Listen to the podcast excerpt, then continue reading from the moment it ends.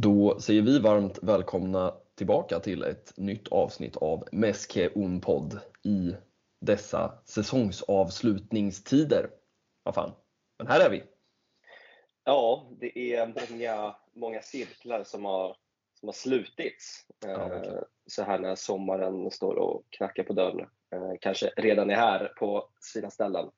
Mhm. Eh, men ja, det är ju riktig, det är ju den riktiga avslutningslunken när, när en liga är färdigspelad. Ja, vi ehm, har ju bjudits på en del mindre smickrande fotbollsmatchinsatser här på senaste, men eh, jag vet inte, en, en avslutning hemma mot Mallis, eh, två avtackningar, tre avtackningar eh, och eh, väl en, eh, en kväll som var väldigt värdig på eh, väldigt många sätt. Verkligen. Uh, höll på att säga att det kunde blivit fyra avtackningar med tanke Ja. på den där tacklingen på Balde. där ska vi vara Ja. Där är det bara att tacka högre makter att inte benpipan går på något sätt.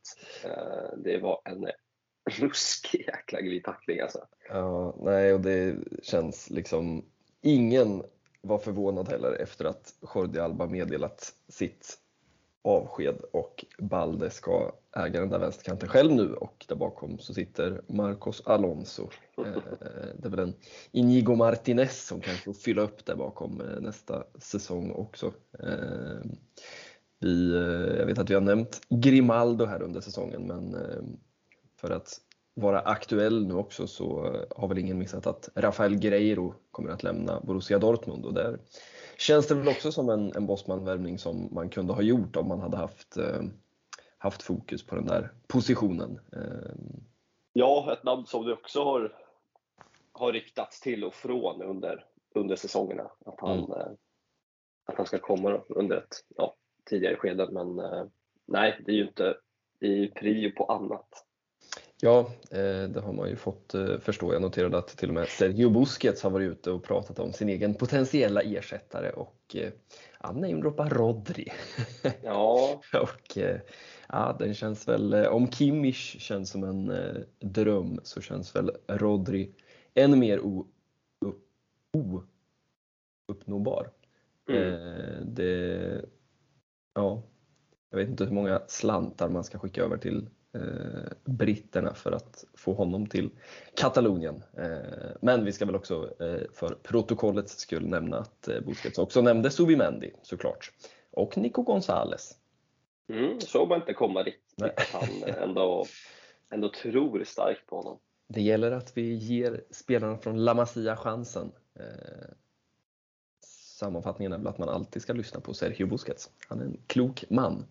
Eh, men eh, jag vet inte om vi ska, vi ska inte bli långrandiga kring matcherna i sig eh, och det som hände på planen men eh, det känns väl som att den väldigt tydliga rubriken från de där 90 minuterna innan avtackning och dylikt, ja men det var ju Ansu Fati. Som fick chansen från start och som ja, levererade får man väl säga att han gjorde. Två Ja. kassar. Ja, men och en, en, ehm, ja, men framförallt det, det andra målet som ju är eh, ja, vad man inom vissa kulturer skulle kalla för ett väldigt fint fotbollsmål. Mm, Eh, mm.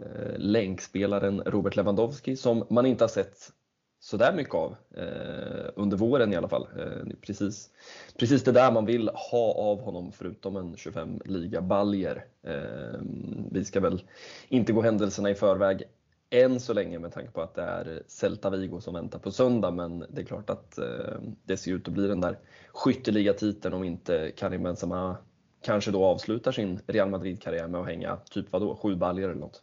Ja, det är väl något i den stilen han, eh, han behöver för att gå om. Så att vi kan väl, vi kan väl räkna in det där till, till eh, Lewandowski såklart. Men, eh, ja, men som du säger, alltså för att fick chansen. Vi har väl efterlyst det under ja, men, hela maj månad åtminstone. Eh, får man väl säga, även om vi tickar över i, i juni nu då. Eh, men, men, eh, ja, men framförallt det andra målet tyckte jag, det var precis det där man, man vet finns där inne. Eh, jag vet inte om det var ett tag sedan vi pratade om den där momentumspelaren Ansu Fati som vi ju gjorde så många gånger eh, i den här poddens typ begynnelse. Eh, känns galet att säga så också med tanke på att han är, han är 20 bast fortfarande. Eh, men med något jävla statement ändå eh, misstänker jag att det blir både för Xavi och för gossarna på, på läktaren. Ja, nu, eh, nu sätter han i alla fall ett litet, litet frågetecken bakom sitt namn på den där transferlistan. Mm. Eh, frågan är ju bara om det liksom helt ärligt kom för sent. Eh, mm. Två mål mot Mallis i den där sista omgången är ju också två mål mot Mallis i den där sista omgången. lite, lite Erik Garcia som pivoter mot Elche. Ja, men precis. Det är lite för sent för att visa, visa framfötterna nu helt enkelt. Mm. Eh, men eh, såklart väldigt kul att se och det ska ju bli jäkligt spännande om det blir någon flytt till Wolves eller dylikt. Uh, han kanske kan pressa fram någon annan destination för ja. Ja, nej, men man, man tänkte väl att, att nu, nu kommer det nya uppgifter om att eh, Xavi har ändrat sig, men, men det som har sipprat ut här under veckan, ja, det har väl varit samma budskap som, som vi har fått de senaste veckorna, att det är, ja, det är Ansu Fati som är den där spelaren som ska säljas. Och, eh, ja, Rafinha verkar bli kvar och så är väl fallet även för Ferran Torres, även om väl det kanske snarare handlar om liksom bokföringstekniska anledningar snarare än hans extremt höga eh, utvecklingskurva i blårött. Eh, och samtidigt så, så fortsätter det att pratas om Ruben Neves eh, och eh, alla som förstår och känner till Jorge Mendes vet ju vilka jävla dominobrickor som kan börja falla när han börjar arbeta och det är klart att eh, ja, man har ju fortfarande oerhört svårt att se Ansu Fati i orange i höst. Men eh, ja, man har ju blivit mer förvånad förr. Eh, Jorge Mendes är ju den som fick liksom Wolves att betala vadå, 30 miljoner pund för Nelson Semedo. Eh, så att det är tjänster och gentjänster. Eh, Balde kritar väl på det där kontraktet. Det är väl ytterligare en bricka i det där agentspelet som ju ja, Johan Laporta har, han har väl ramlat ner lite i den där poolen. Eh, vet inte hur medveten eller ej han är om, om hur det är att sätta sig i knät på Jorge Mendes. Det kan ju ha både sina för och nackdelar. Ja, Mendes som också gick ut eh, tydligt och sa att det det kommer att jobbas. Det kommer att uh, ske många stora affärer i sommar. Mm. Mm. Uh, och uh, då kan man ju bara gissa sig fram till att Ansu Fati är, är en av dem. Så det är, det är väl så mycket, ja, men så tydligt det kan bli mm. egentligen, att, mm. att någonting kommer att hända. Ja, men fortfarande jag vet inte vad du känner så här, man går vecka för vecka och man smälter det liksom, men, men någonstans så för mig är det fortfarande det är deppigt alltså.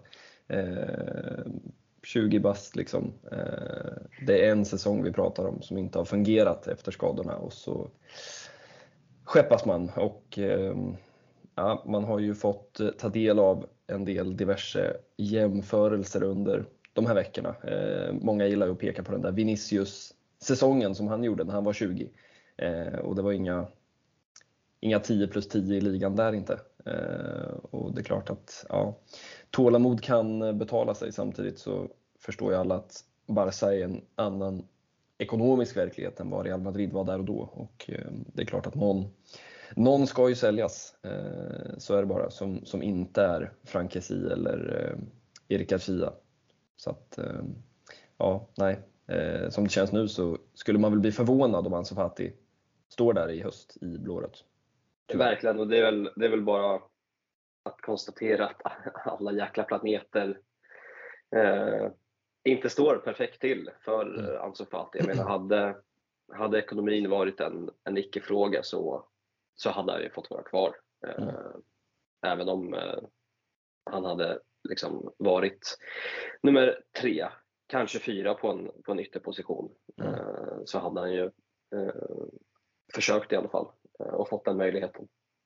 Ja, nej, det, det är deppigt. Eh, frågan är om det var om det var hans sista insats på, på Camp Nou då, eh, det kan man ju i alla fall konstatera för både Jordi Alba och Sergio Busquets som ju, ja det var klart att Busquets skulle starta, men, men eh, också noterbart då att Alba fick, fick chansen där till vänster och man kunde plocka över Balder på, på högerkanten i typ vadå, 20 minuter innan det var färdigspelat. Eh, för någon som inte har sett situationen så är det väl Ndiaye som kommer in.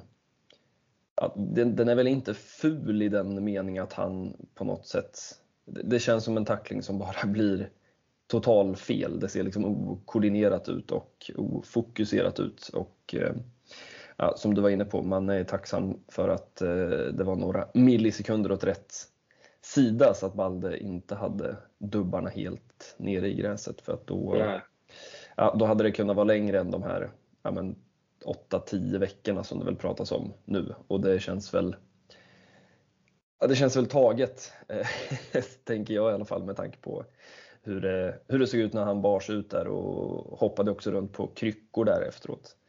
Eh, ja, Kondé och så var det väl någon i läkarstaben ja. som liksom lyfte upp honom som, som att han satt på en tron ja. Eh, när han fick ledas av. Och, och, nej, såklart, det kunde ju ha varit liksom otroligt mycket värre. Så han får väl, ja, det blir väl någon extra semestervecka där innan. Han missar väl, ja, början av den här försäsongen i alla mm. fall. Eh, men eh, inte så mycket mer än så. Nej, ehm, och också missar ju då landslagsmatcherna såklart, vilket man ju inte har några större problem med. Eh, samtidigt så funderar man på lite speciellt ändå och, och man pratar så ofta om, om spelare som ja, missar försäsongen och att det kan vara förklaringar till, till um, saker sen under säsongen. Uh, och en och annan går nog runt och oroar sig för stackars Gavis ben i höst efter vad vi såg hos Pedri den här säsongen. Och det är klart att eh, nu har inte Balde spelat de mängderna minuter eh, den här säsongen. Men eh, ja, man har fått lite, man har bränt sig lite på, på Pedri. Eh, som ju, ska vi väl säga igen då, inte kommer att spela mot Celta Vigo heller. Eh.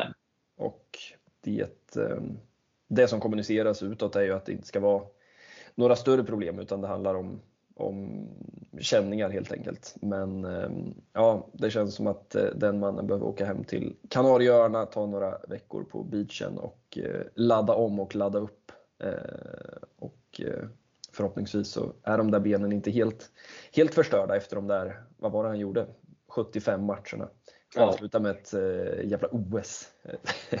det känns som att man kommer att titta tillbaka på det där eh, om du vill så illa och tänka att eh, ja, det, var där, det var där det brast. Eh, läste en intervju med Bojan Kirkic i ISPN eh, ISPN häromdagen eh, som pratade, han var väldigt filosofisk Bojan, eh, pratade i väldigt flummiga termer ibland eh, men mycket av det där handlade just om om de här unga spelarna, Balde och Gavi och, och Pedri, som har fått ta ett sånt stort ansvar i en så pass stor klubb så pass tidigt. Och eh, ja, Bojan Kirkic är väl kanske den spelare i världen som vet bäst om det där. Eh, och eh, ja, la ju dojorna på hyllan i, i våras. Och vad innebär det? Jo, att han inte kommer att finnas med när Barcelona möter Vissel Kobe här om, ja vad blir det, ett par, ett par dagar bara. Vad fan. Ja.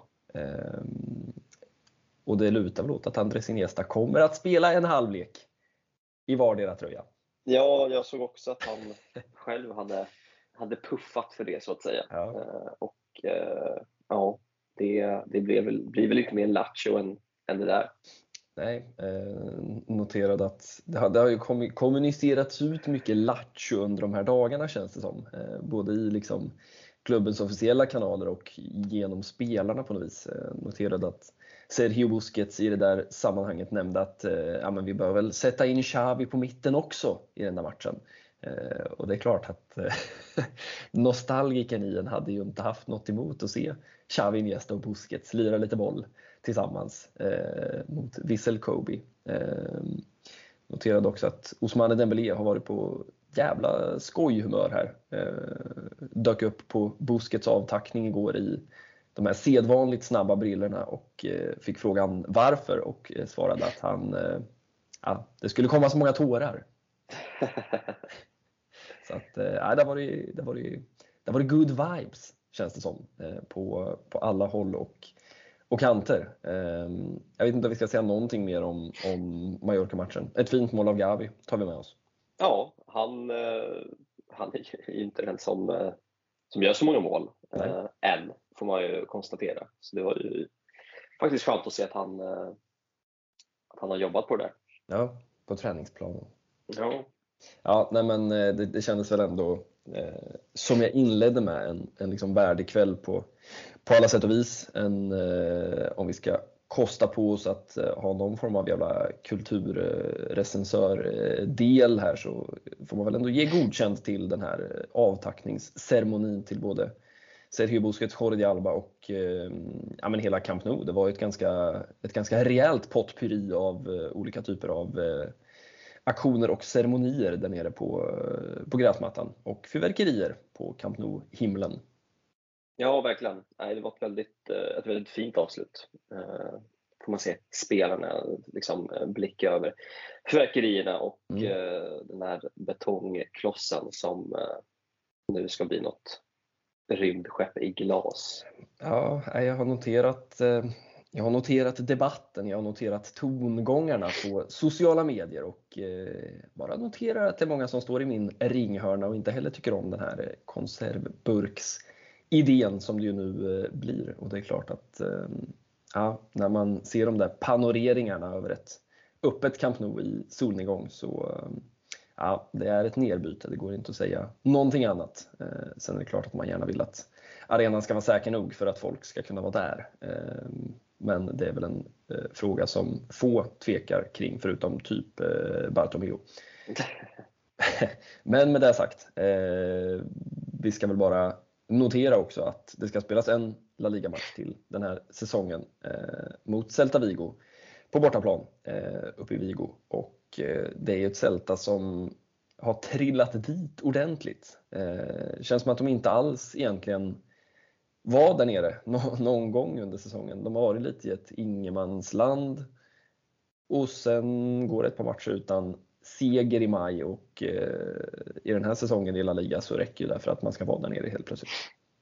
Ja, det är ju faktiskt helt otroligt att de i sista omgången slåss för sin överlevnad. Mm. Igen känns det som. Det känns som att det spelar, inte roll, det spelar ingen roll vilken tränare som sitter på den där bänken i omgång 38, hur ja. många som har fått lämna under säsongen. Uh, Iago Aspas kämpar på där uppe och gör väl där 15 mål per säsong fortfarande. Ja. Och uh, så slutar det alltid med att man, att man måste vinna i den sista matchen för att, för att vara på det torra. Ja, nej, det är fascinerande på många, många plan. En Aspas som också är osäker på att komma till spel nu på söndag. Och, eh, nej, det är klart att det vore en katastrof för Celta att åka ur. Eh, det hade varit oerhört stort underkänt betyg på, på säsongen. Eh, det är väl en sex eller sju klubbar som, som är indragna där nere. Eh, och det är några riktigt, riktigt heta matcher också de här klubbarna emellan. Eh, så att det, eh, det kommer bli en söndag, även om kanske resultatet i just Barca-Celta för, för Barcas del inte har så stor, stor betydelse. Men ja, det är ett riktigt jävla getingbo där nere. Ja, jag vet inte om man vill bara konstatera att Espanyol spelar i, ja. i Segundan. Ja. De som var uppmärksamma kanske hörde en och annan ramsa på Camp Nou som ja. Eh, konstaterade att, eh, att det blir spel i, i andra divisionen för, eh, för goda Espanyol. Och ja. vilka kommer de ställas mot då, tror du? Ja, men det är ju Andorra. Givetvis är det Andorra och ja, Piqué var ju snabb ute med att säga att han minsann kommer att sitta på presidentläktaren mm. när lagen möts nästa säsong. Och det kommer ju bli otroliga scener för visst eh, kommer han få en och annan ramsa eh, mot sig. Eh, nu får väl komma på något nytt när inte han och Shakira är tillsammans. Men ja, det känns som att fantasin flödar i, bland de eh, blåvita. Ja, nej det är klart att eh, den gode Gerard tar sina, sina chanser. Piqué som också, ska vi nämna då, var på på den här avtackningsceremonin eh, som anordnades där på, på Camp Nou eh, och noterade inte riktigt, eh, kan ha varit jag som har varit uppmärksam också, men ehm, Ja, han stod ju där framför den här stora postern på Busquets som alla andra gjorde också. Men jag har inte sett så mycket mer än så. Eh, man hade förväntat sig någon cool eh, inövad handskakning med Osmane Dembélé eller en omfamning eh, med Xavi eller något i den stilen. Men det har inte kablats ut så mycket. Jag vet inte om det är ett, ett tecken på integritet för en gångs skull eller om eh, Piqué har hållit sig i bakgrunden för en gångs skull. Det hör väl inte till vanligheterna där, där heller. Eh, men eh, vi kan väl utlova att eh, den här podden i någon jävla mål kommer att fortsätta kretsa kring Gerard Piqué, eh, hur man än gör. Eh, det känns som att halva Spanien kretsar kring Gerard Piqué, eller så är det Gerard Piqué som kretsar kring Spanien. Oklart eh, exakt hur det ligger till. Ehm, jag vet inte om vi ska förutspå någonting i form av elvor. Ehm, det känns ja, ganska det, svårt. Ja, nu kan det ju faktiskt bli, bli hur som helst. Eh, men det är väl inte omöjligt att Busquets och Alba får, får den här startplatsen igen mm. i, mm. i en sista match mm. Eh, i den blå-röda tröjan. Eh, sen ja, Lewandowski, Dembélé, mm. Rafinha, mm. kanske. Ansu Fati. Ansu Fati. det är många ja, som in. Ja, det är ehm. klart att Ansu Fati ska ta den där platsen till vänster eh, med Lewandowski. Det lär väl bli en väldigt lik eh, den eh, Mallis elvan. Mm. Nu fick ju Per Stegen ta ner det där rekordet på ja. hållna nollor. Så jag vet inte om det gör att man skickar in en andra keepen. Iñaki Peña i mål. Ja. Eh, noterade någon rapport om att Ter Stegen trots allt hade bett Xavi om att få spela den där matchen. Eh, oklart hur mycket vikt Xavi lägger i Ter Stegens inställning till frågan. Mm. Eh, det återstår att se. Pablo Torre kanske kan få en, en minut eller två. Eh, vem vet? Eh, det lär ju vara ett högst motiverat Celta Vigo i alla fall. Eh, kan vi nog vänta oss. Eh, finns ju en del sköna lirare där oavsett om Jago Aspas startar eller inte. Eh, Gänglig Larsen på topp och så finns det ju alltid ett par ex La Masia-lirare. Eh, vem har glömt Carles Perez? Ganska många kanske. Ja, det är nog inte många som har kollat. Han hamnade uppe i Vigo till slut, men ja. det är ingen överraskning i sig. Nej, och Oscar Mingesa, eh, om han tar en plats där i backlinjen, har varit väldigt ut och in i laget under säsongen. Eh, men det lär bli, lär bli åka av för de 11 blåröda som, som ställs ut på, på plan. Eh, det är ju inte säkert att Celta behöver ja, varken de där tre poängen, egentligen inte ens en poäng. Det beror på vad Valladolid hittar på. Det är ju Valladolid som måste vinna, måste Precis. ta poäng. Man behöver ju bara ta, ta ner deras poängskörd för att klara sig. Och eh, ja, men om man håller, sitter där, kommer sitta där och hålla, hålla en liten tumme för att Celta Vigo löser det där på något ja, sätt. Nej, det är lite oklart. Eh, Valladolid har ju också Getafe hemma. Eh, det är ju en av de där matcherna där bottengängen drabbar samman. Getafe på 41 pinnar, tog en blytung seger senast. Eh. Så att de kan nog kosta på sig att torska den där matchen. Eh, och då, ja, då är det upp till resten av gänget. Inte ens Valencia ska vi ju räkna hem än i La Liga säsongen 23-24. Eh, bara en sån sak är väl värd att notera också. Eh, det kommer bli en spännande sista omgång på många sätt, kanske inte främst ur blårött perspektiv, men eh, ja, några svar till lär vi väl få. Eh, men för den som vill ha fler anledningar att fortsätta kika spansk fotboll innan vi går in på någon riktig slags semester, ja, då kan jag meddela att vi har ett mini-klassiko i kvalspelet upp till Segundan. Eh, och det är lite för bra för att vara sant. Vilka har vi där då? Det är Barça B mot Real Madrid Castilla. Oh. Det är eh, en dubbel-semi, dubbelmatch, dubbelmacka. Eh, Rafa Marquez mot Raúl González. Ja, det är som, som på gamla tider. Eh, nej, de, eh, de löste ju den där playoff-platsen ja. till slut. Eh, läste väl också någon text som, eh, ja, det var väl en liten hyllning i Mondo Deportivo att mm. Rafa Marquez har eh, gnuggat i det tysta utan mm. Eh, de största av resurserna. Och, eh, ja, ändå klarat av att ta laget till en playoffplats under, under sin första säsong. Mm. Och han har ju hyllats här i podden förut och det ska han väl göra. Så det blir, ja, det blir ju riktigt, riktigt spännande.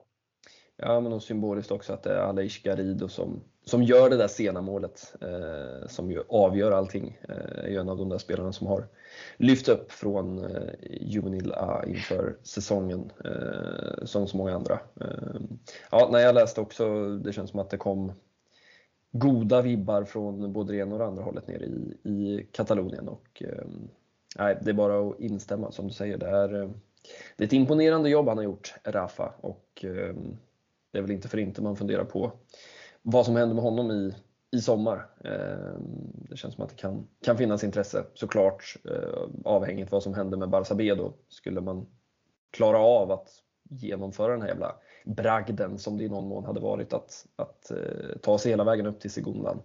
Då har jag svårt att se att han lämnar. Eh, skulle man åka ur nu så ja, det skulle inte förvåna mig med det namnet och med den säsongen som de har gjort nu så skulle det inte förvåna mig om det finns, finns andra gäng som gärna hade haft honom på tränarbänken. Ehm, och för Rafa Marquez del så kan man ju tänka sig att han såklart blickar uppåt till Xavis tränarbänk och eh, kan konstatera att ehm, ja, men det ser ut som att Xavi kommer att krita på det där kontraktet till 2026.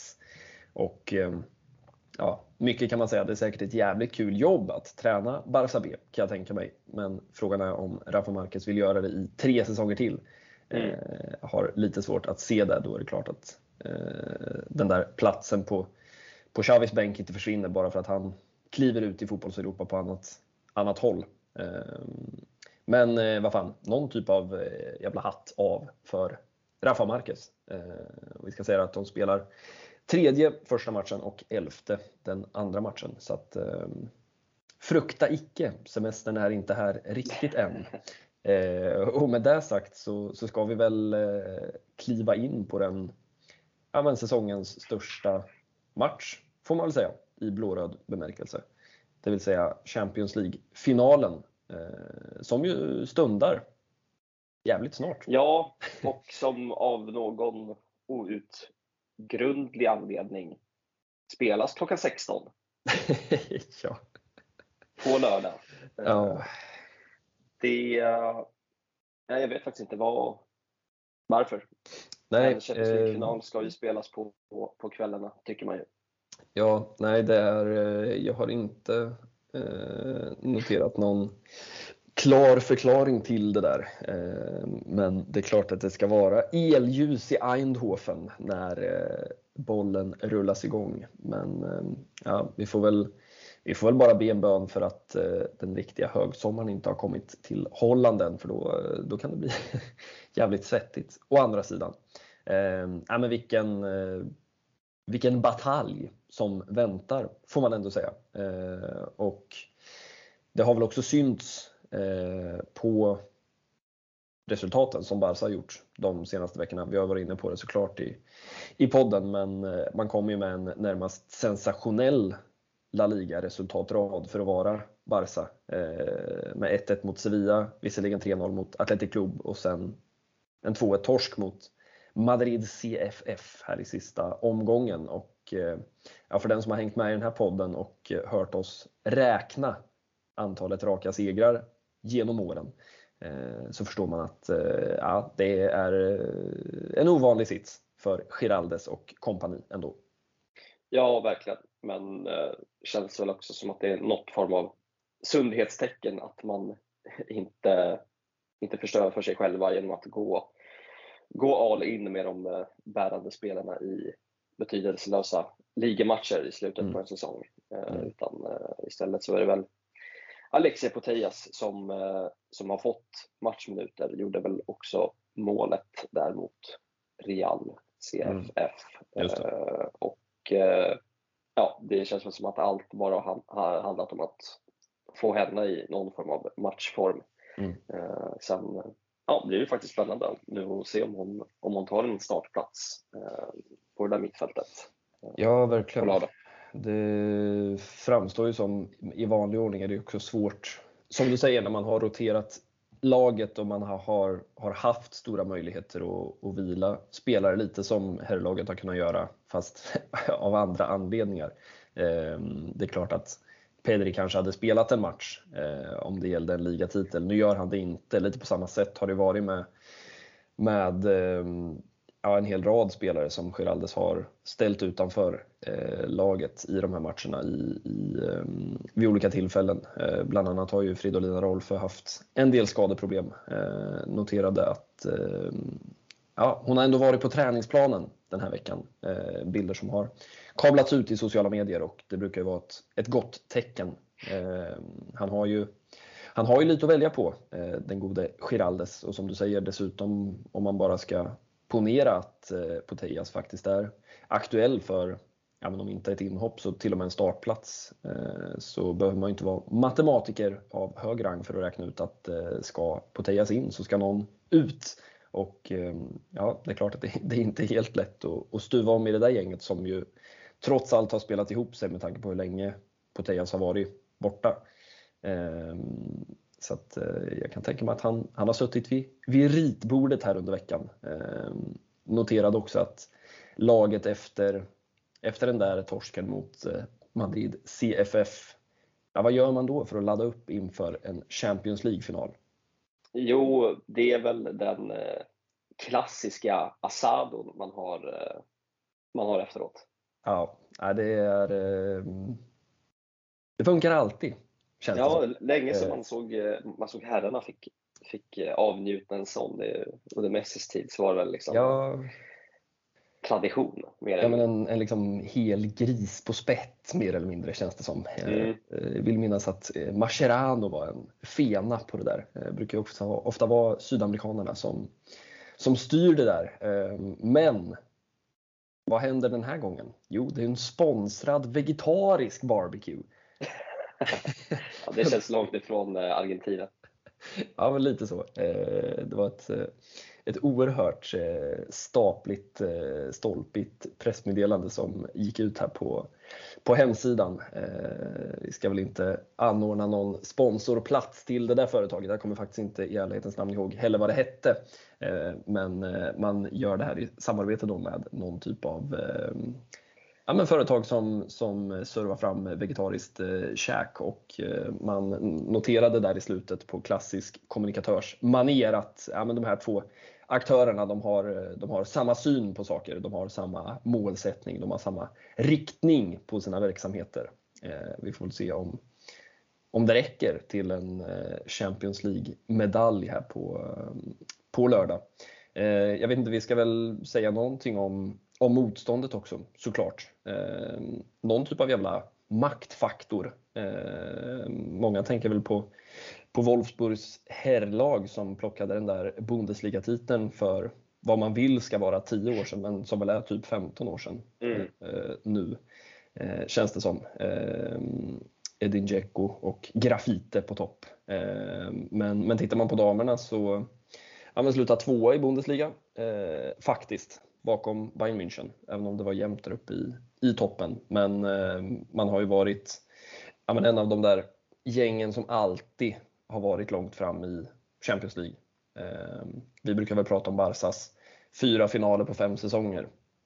Eh, och riktigt där har väl inte Wolfsburg varit i rejäl nutid, men eh, man har vunnit två gånger på, på 10-talet och man har varit i final ytterligare tre gånger. Eh, men inte sedan säsongen 1920. Så att, eh, ja, de är nog tacksamma för att, för att vara tillbaka. Eh, ja, de var väl ett av de här, ja, i samma fack som eh, Lyon, de här mm. stora, ett av de första stora klubblagen på damsidan som prenumererade på, på titlar, mm. mer eller mindre. Mm. Så nej, det blir jävligt spännande. Det känns som, ett, som två helt olika lag. Mm är väl storstjärnan Alexandra Pop mm. Eh, som många kanske minns från eh, damernas EM mm. Eh, sommaren det var väl förra sommaren, 22, ja, precis. som den turneringen spelades. Mm. En, ja, en ganska liksom, tydlig spelarprofil, stark Mm. i luftrummet och någon form av centertank. Mm. Så där, där har ju backlinjen något att, att bita i. Ja, men det ska bli spännande om man får tillåta sig att vara lite generaliserande i, i termerna så, så går det väl i någon mån att prata om det som, som en fotbollsmatch mellan två filosofier, den spanska och den tyska. Eh, och att lagen är ganska, ganska fyrkantiga representanter för de där två olika fotbollsfilosofierna. Eh, och eh, ja, Wolfsburg, de, det är svårt att säga något annat än att de är förtjänt att vara där när man har slagit ut Arsenal i semi och eh, PSG i, i kvartsfinal. Ehm, vi ska väl också nämna att Barca slog ut Wolfsburg förra säsongen i semifinal. Eh, sen minns väl de flesta vad som hände i finalen sen. Eh, man är ganska tacksam för att det inte är Lyon som står där på, på andra sidan eh, med tanke på den psykologiska aspekten. Eh, jag noterade att både Aitana Bonmati och, och även Putellas varit ute i media här under veckan och ehm, såklart fått frågor om, om det som vi också har suttit här och, och pratat om hela, hela våren känns det som. Hur man, hur man hanterar den här eh, finalen, hur man hanterar den här enskilda matchen som ju på ett så oerhört tydligt sätt ja, men avgör en hel säsong, avgör i mångt och mycket en jävla typ av era för, den här, för det här laget, eh, för den här uppsättningen spelare. Och, eh, ja, men det kändes ändå som att eh, de två i alla fall pratade väldigt likt eh, om att man ser, ja, men framförallt den där förra förra vårens final mot, eh, mot Lyon som ju slutade med ett totalt jävla magplask får man ändå säga. Eh, men att båda pratar om den matchen som, som en lärdom för hela, hela truppen. Eh, och det är klart att det har kommit till ganska många nya spelare sedan dess men, men det finns ju också en stomme som, som ändå har varit med jävligt länge. Eh, noterade också att eh, Bon Mati pratade om att eh, eller hon pratade om den gamla tiden på, på Mini Estadi, för de som kommer ihåg den härliga arenan innan eh, Johan Cruyff-arenan kom på plats. Eh, och hon eh, ja, men pratade i, i termer om att man, man förstår ändå för de som har varit, varit med ett tag att, att gå från, som hon uttryckte det, i princip föräldrar och anhöriga på plats på, Mm. på Mini till att ja, men spela på Camp Nou eller som nu åka till till Eindhoven och spela inför 35 000 är det väl den tar. Eh, noterad att klubben har anordnat resa ner för ungefär 800 fans och eh, sen räknas, eller man räknar väl med att ungefär 7000 till drar upp till Holland. Eh, så att det kommer ändå vara en ansenlig, ansenlig mängd blått stöd, blått och rött stöd eh, på plats på lördag. Jag gissar att att det har delats ut ungefär 8000 till vardera lag och sen eh, brukar ju kostymnissarna ha en och annan plats på de där finalerna. Eh, det är sen gammalt. Ja, nej, det blir, eh, blir riktigt eh, spännande och man undrar ju verkligen framgångarna för, för, för det här laget. Så nej, jag, vi sitter väl här och håller alla tummar som, eh, det är, som är möjligt liksom, Mm. för, att, för att de ska lösa, lösa den där titeln eh, just efter eh, fjolårssäsongens eh, ja, magplask är faktiskt ett väldigt bra ord för att beskriva den här finalinsatsen. Mm. Ja, nej, men det, det blir väl någonstans också, man, man kan ju vända och vrida på statistik och siffror och uppgifter hur man vill. Och, ja, det är klart, man, man gör en fjärde finalen på, på fem säsonger, men, men samtidigt så, ja, men tittar man på titlarna så det är ju en titel. Eh, och ja, ska man prata om någon typ av, av eh, ja, men låt säga att man kliver fram en 10, 20, 30 år och, och tittar tillbaka på, på det här Barcelona så eh, ja, men det är klart att det är de där Champions League-titlarna som kommer att skriva, skriva stora delar av den där liksom, ytliga historien i alla fall. Eh, sen är det väl ingen som, som behöver diskutera huruvida liksom, FC Barcelonas gäng under de senaste fem åren har varit bra fotbollslag eller inte. Eh, det kan man väl slå fast vid det här laget. Men eh, ja, bäst när det gäller som man säger. Eh, och det är klart man har avverkat Chelsea, man har avverkat Roma som Wolfsburg hade i gruppen för övrigt. Bayern, Benfica och FC Rosengård.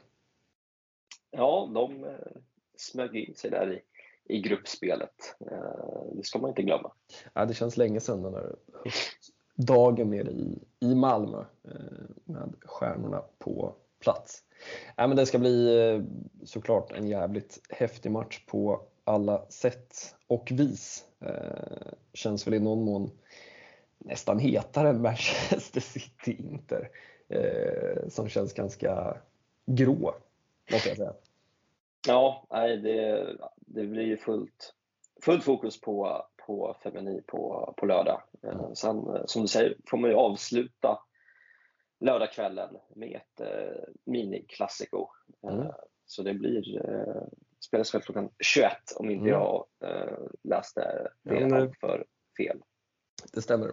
Eh, och ska väl säga det att det brukar ju, man, vi ska väl inte uttrycka oss i för klara termer, men det brukar ju finnas sätt att se Barca Bs matcher eh, om man har lite googlingsförmåga alternativt Twitter sökningsförmåga. Eh, jag gissar att det kommer, kommer finnas ett intresse från ganska stora delar av den blåröda sidan av internet att, att se den där matchen. Så att på något sätt brukar man kunna få fram rörlig bild Eh, på det unga gänget. Eh, nej, det, man, man sitter och tänker att eh, ja, nu är säsongen i sin linda och eh, vi har varit med om det mesta. Men eh, så har man ett klassiko och en Champions League-final att bunkra upp med inför helgen. Det, är, det tar aldrig slut. Nej, det är en väldigt ja, kanske en av de finare blå-röda helgerna som eh, vi har haft den här säsongen. Ja. Eh, det är väl passande att den kommer så här i, i slutet. Ja, men en, en, en sen sommar, ja den där klockan fyra matchen är ju vad den är, men eh, en försommarkväll där. En försommar eftermiddag också i all sin prakt. Nej, det blir en bra helg och vi bara uppmanar väl alla till att boka av allt ni har på lördag. Eh, fullt fokus och eh, kanske inga näsdukar den här gången då. Eh, förhoppningsvis mer glada miner när helgen nått sitt slut. Och vi återkommer såklart och antingen så, så firar vi ett Champions League-guld nästa vecka eller så får vi, ja då kanske det blir näsdukar ändå. Man kommer inte undan ja. de jävla näsdukarna. Nej. Hur man än gör vi väljer glädjen och hoppas att det, att det går vägen helt enkelt. Det får bli slutorden. På återhörande, på återseende. Ciao. Ciao. Total camp és un camp. Som la gent blaugrana, tant se val d'on venim, si del sud o del nord.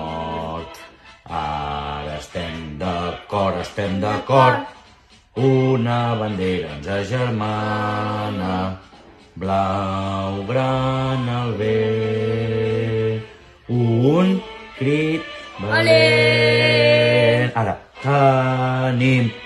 Barça! Barça! Barça! Barça! Barça!